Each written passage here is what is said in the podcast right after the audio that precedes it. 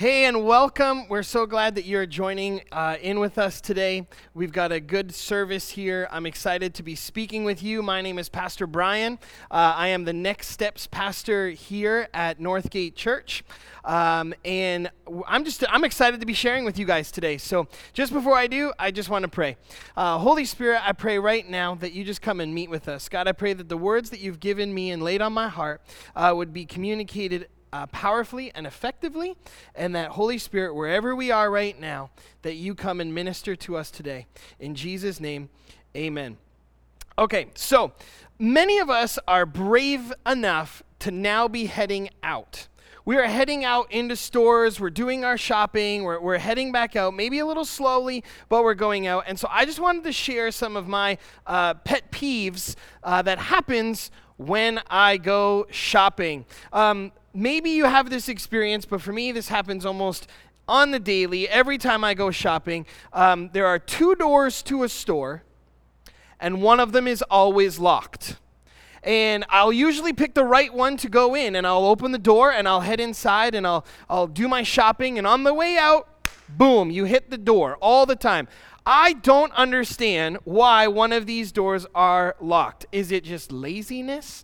Is it uh, they just they don't? So I actually Google searched this. So if this is one of your pet peeves, I literally Google searched this, and there are three things that were common that came up. One is um, airflow. They lock one of the doors to keep the cool airflow for the cool air conditioning or the heat inside the door. That doesn't really make a whole lot of sense to me as why you would keep one of the doors uh, closed. The second uh, thing that came up as to why one of these doors are closed is um, low staff. If one of the doors is locked, the staff that might be low in number are more likely to pay attention to the door when it opens, even though there's one of them. This again doesn't really make sense to me because normally people are running into that door on the way out of the store, not on the way in. The third one, which um, probably makes the most sense to me, is when they have these two doors and one of them is locked, normally one has a key that you unlock and the other one has bars on the top and the bottom. The one that has the bars on the top and the bottom are usually it's usually the door that's still locked. And one of the reasons why that door is still locked all day long is because it helps the closing crew remember to lock the door. I don't get it. I just open both doors. And now they have to open both doors because one has to be an open for an entrance, and you have to use the exit as you are following the arrows. Which brings me to my second thing that I always find frustrating sometimes when I go shopping, and it's this it's the supply. You go to the store and I find a really good deal. Now, for me as a person, um, I enjoy, I am not a hoarder, but I enjoy having a supply of things at home. Toilet paper, anyone? Right? We go, we head out to the store. I find a good deal, and I'm like, this is such a good deal. I don't want to just buy one. I want to get two and three and four of these things. I'm going to have a nice little supply at home so that I never run out. Now, in COVID, I understand the idea of the cleaning supplies and how we need to make sure that they're there for everyone. I'm not arguing that at all. But there was a time when I went to the store to buy stamps. I needed to buy some stamps to mail some stuff. And I said, Can I get a bunch of stamps, please? And she said, I can only sell you two. And I said, Why can I only get two stamps? And she says, Well, I'm going to send you, I'm going to sell you two stamps so that I have some stamps for the next person.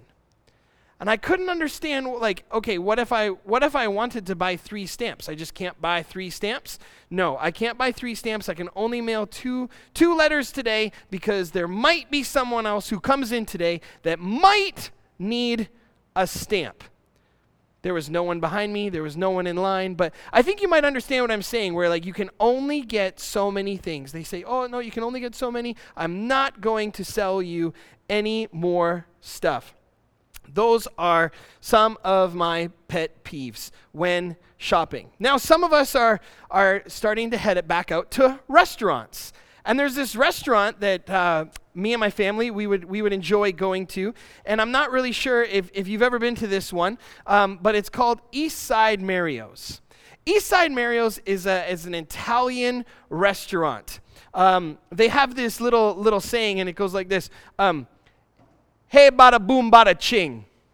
Why don't you just turn to someone in your living rooms right now and you just tr- try that? It's, it is fun to say. So just, eh, bada boom, bada ching you have now been to East Side Mario's. Okay? So feel free to use that sentence anytime that you want throughout the rest of the message. Just turn to someone and say, hey, bada boom, bada ching. Pay attention. Okay? So, East Side Mario's, here we are at this restaurant. Here's why I love this restaurant. Every time I go to this restaurant, I always go home with my actual meal. Eastside Mario's is famous for if you order the right thing off of their menu, you get unlimited fresh bread and unlimited salad. They just keep bringing it. You could choose between garden salad and Caesar salad. In fact, you can even switch it up. So, for example, when we would go with my family, Ange could order the garden salad. I could order the Caesar salad. They'll bring it out in a big bowl. Our whole family can eat this salad, and they will just keep bringing it out and keep bringing it out. So we have options for salad, and, and then there was bread, and they would just keep bringing this bread and more bread and more bread. So when we go out for dinner at East Side Mario's, we actually are going out for bread and salad, and then when our meal actually comes, we don't eat it we actually uh, will just ask for the doggy bag.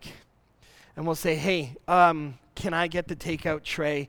And it's, it's kind of embarrassing, actually, because you basically take your entire meal and just scoop it into the, the takeout tray. It's great if you need a meal later, but in my opinion, um, things always taste better when they're fresh. I'm not a huge fan of leftovers. I'll eat leftovers, but um, they are they're not really my my favorite thing. But there's just so much food when we go to East Side Mario's. Now, we've been camped out in Exodus chapter 16 for a few weeks now in our series called Bread in the Wilderness. Here's what we've talked about so far we've talked about Jesus being the bread of life.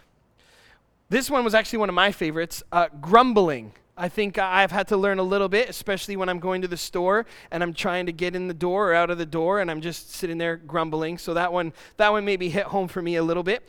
Um, we talked about what is it when God provided the miracle of the manna and they didn't know what it was we talked a, little bit about uh, daily and how they would have to, the Israelites would go out daily to receive the gift, the miracle that God had for them.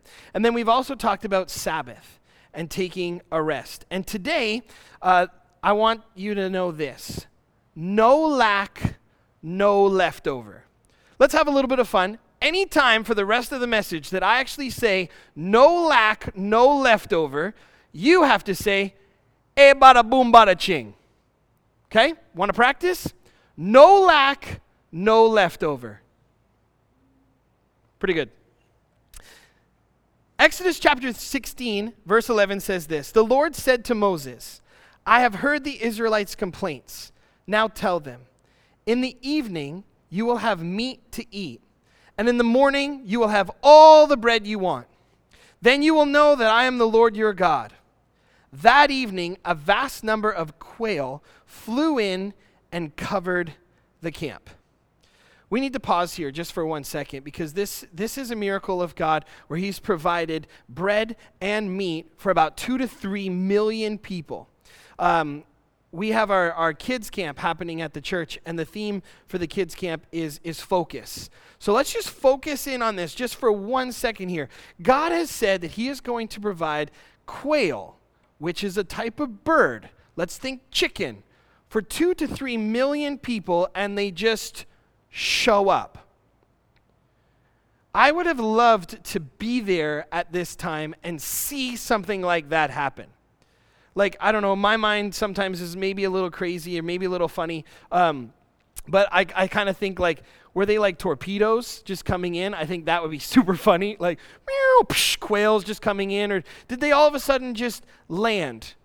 Like, just, oh, here comes just all the quail. Like, I, I don't know exactly how it happened, but sometimes my mind just kind of wanders in a little bit, and I'm like, oh, if, if, if I was creating a movie, how would this work? How would I kind of make this, this scene of, of all of this quail come? And then it starts making me think, too, with the quail and, and the bread that showed up, like just the fact that 40 years of eating the same meal over and over, and yet like to me, this this has just got to be a little crazy. Like they're hungry, so they're complaining. They want food. God provides them food. The first couple of days, this is probably awesome. And then think of like that kid. You know, maybe you have kids, and so your kid comes home and they're like, "Hey, what are we having for dinner today?" We are having manna and quail. Again? Think of all the ingredients and the ways that you would have to create quail to be different or manna to be different. So the next time you hear someone grumbling or complaining about having the same food, just think, well, at least you're not having it for 40 years. Verse 13 says this That evening, vast numbers of quail flew in and covered the camp. The next morning, that area around the camp was wet with dew, and the dew evaporated, and a flaky substance as fine as frost blanketed the ground. The Israelites were puzzled when they saw it. What is it? They asked. They had no idea what it was. Then Moses told them, It is the food the Lord has given you to eat. The Lord's instructions were that each household should gather as much as it needs. Pick up two quarts, which is kind of like two liters, for each person in your tent. So the people of Israel did this as they were told. Some gathered a lot, some only a little. But when they measured it out, everyone had just enough. Those who had gathered a lot had nothing left, and those who had only a little had enough. Each family had just what it needed. See, the miracle continues.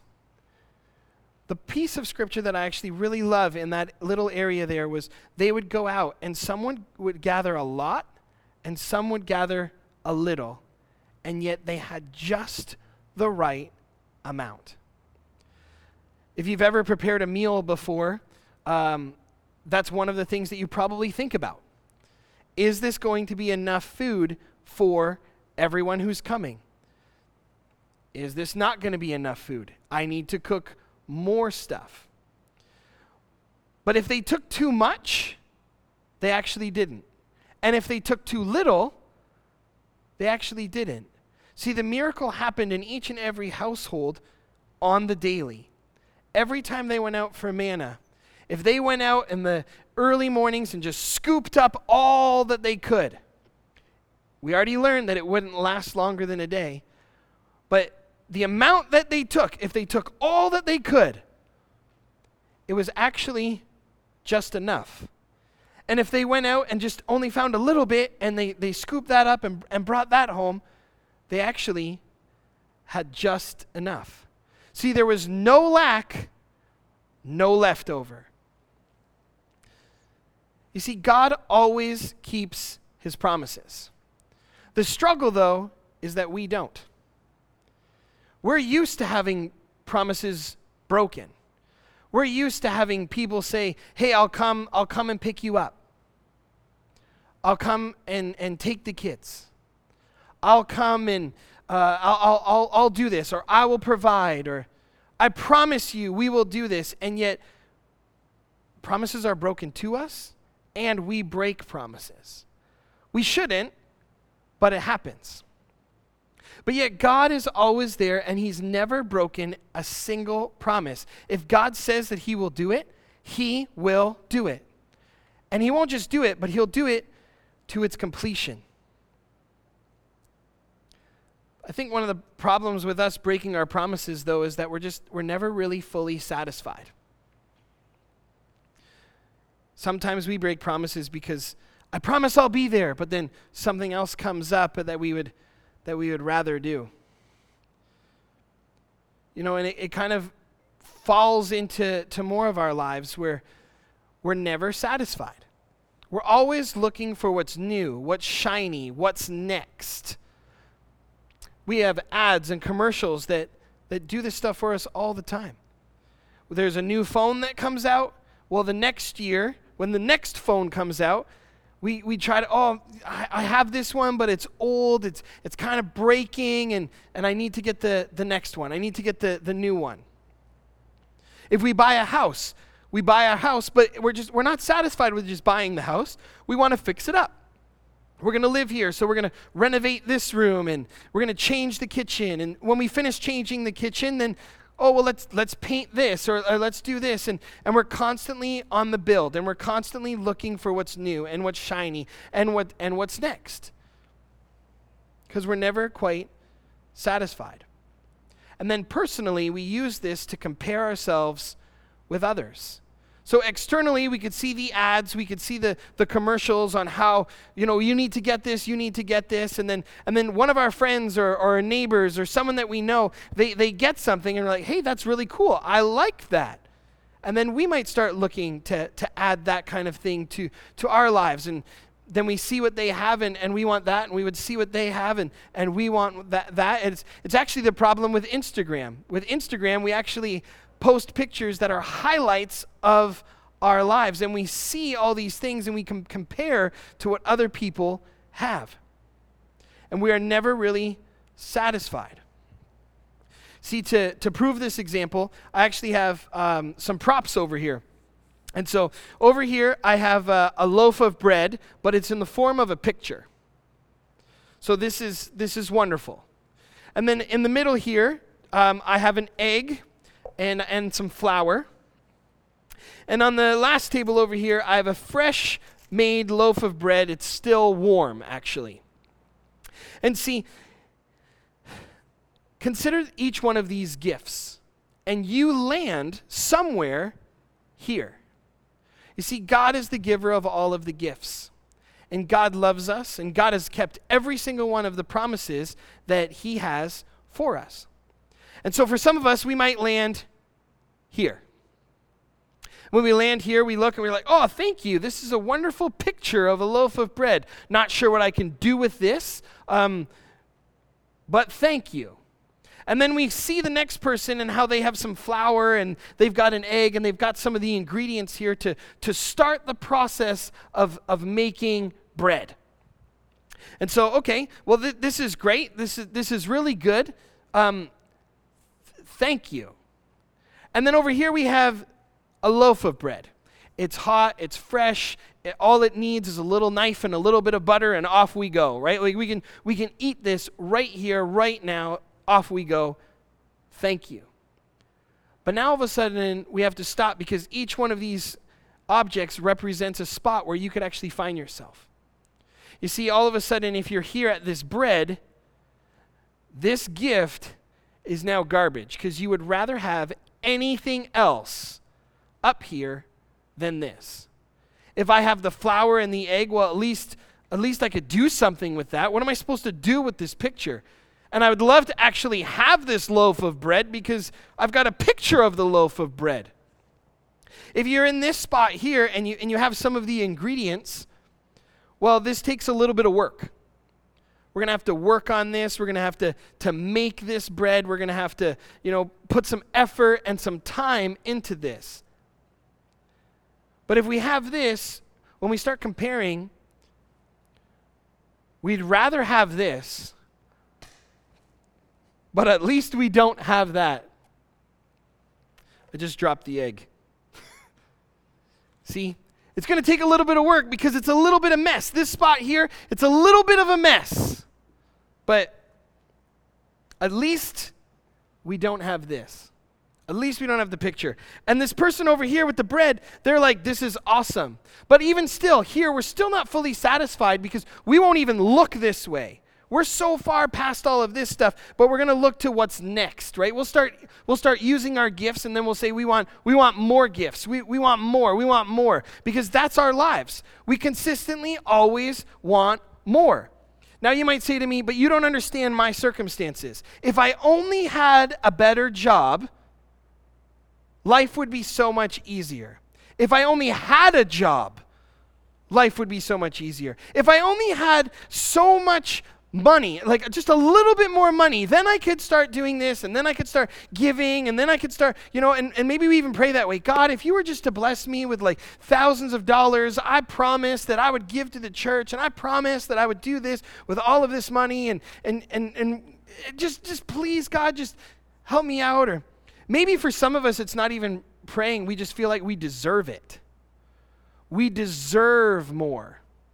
We, we've worked hard. It's actually rightfully mine. It would be so much easier if it just went that way.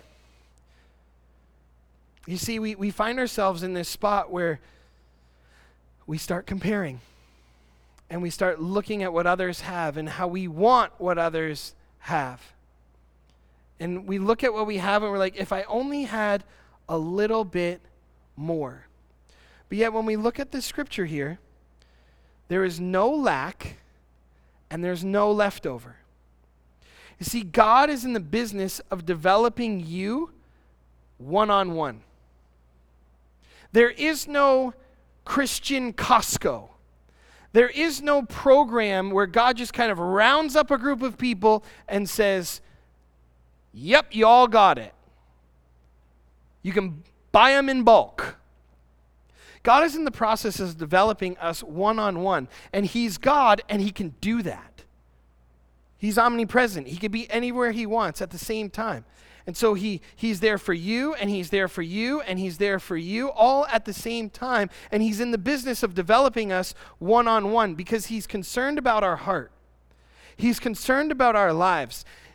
He's not really concerned about everyone else when he's dealing with you. It's all about you. There's this verse in Luke chapter 12. It kind of comes from a, a parable where the, there's um, an owner who gives out the talents, and he gives out the talents to, to three individuals. And the, the first one goes and doubles it, and the second one goes and, and doubles it, and the third one buries it. And then there's this verse right at the very end, and it says this Luke chapter 12, verse 48 When someone has been given much, much will be required in return.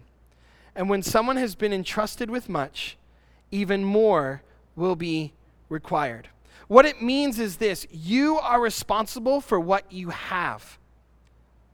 And if you have been blessed, because you have been blessed with talents, abilities, wealth, knowledge, time, you need to use it for God rather than comparing to other people.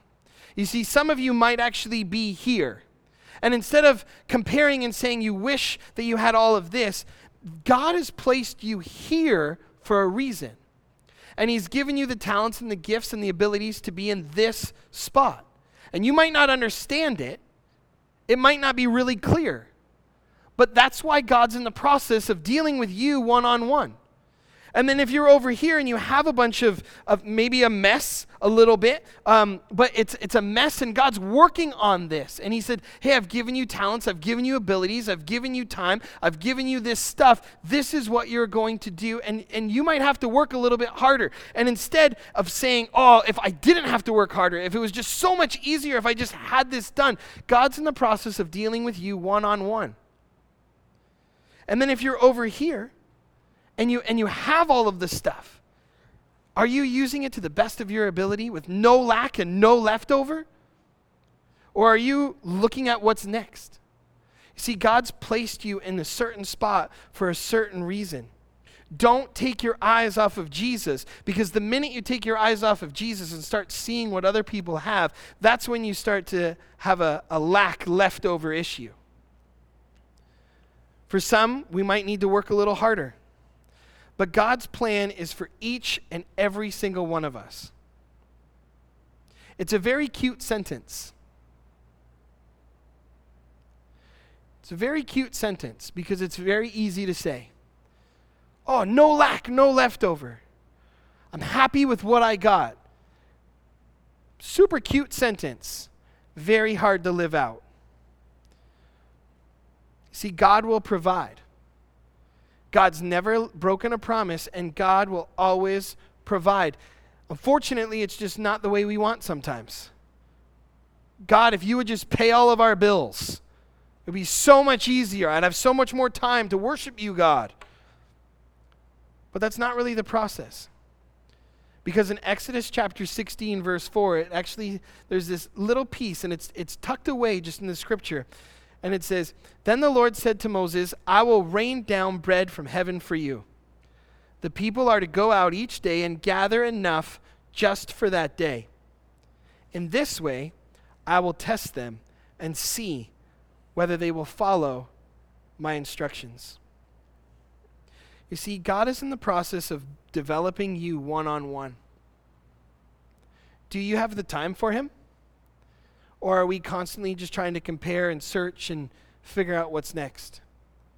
Do we have the time for God? Or are we so concerned about going to a restaurant like uh, East Side Mario's where we can fill up now and also have a meal for later, and we're storing up our own storehouses. Can you imagine if we trusted God and allowed God to store up our storehouses? What would that look like? What would it look like if we fully were reliant and dependent upon God with no lack and no leftover? I think it's human nature in us to not be satisfied with where we are. We want to be better. We want to move forward. We want to, to strive for the best. And I don't think there's anything wrong with that. But in that process, let's make sure that God's number one. Let's make sure that we are trusting in God enough to know that if, if I don't feel like I have enough, I actually have more than enough with who I am in Christ Jesus. Will we trust God when it's cloudy and murky and blurry and it's so much easier to just do it ourselves?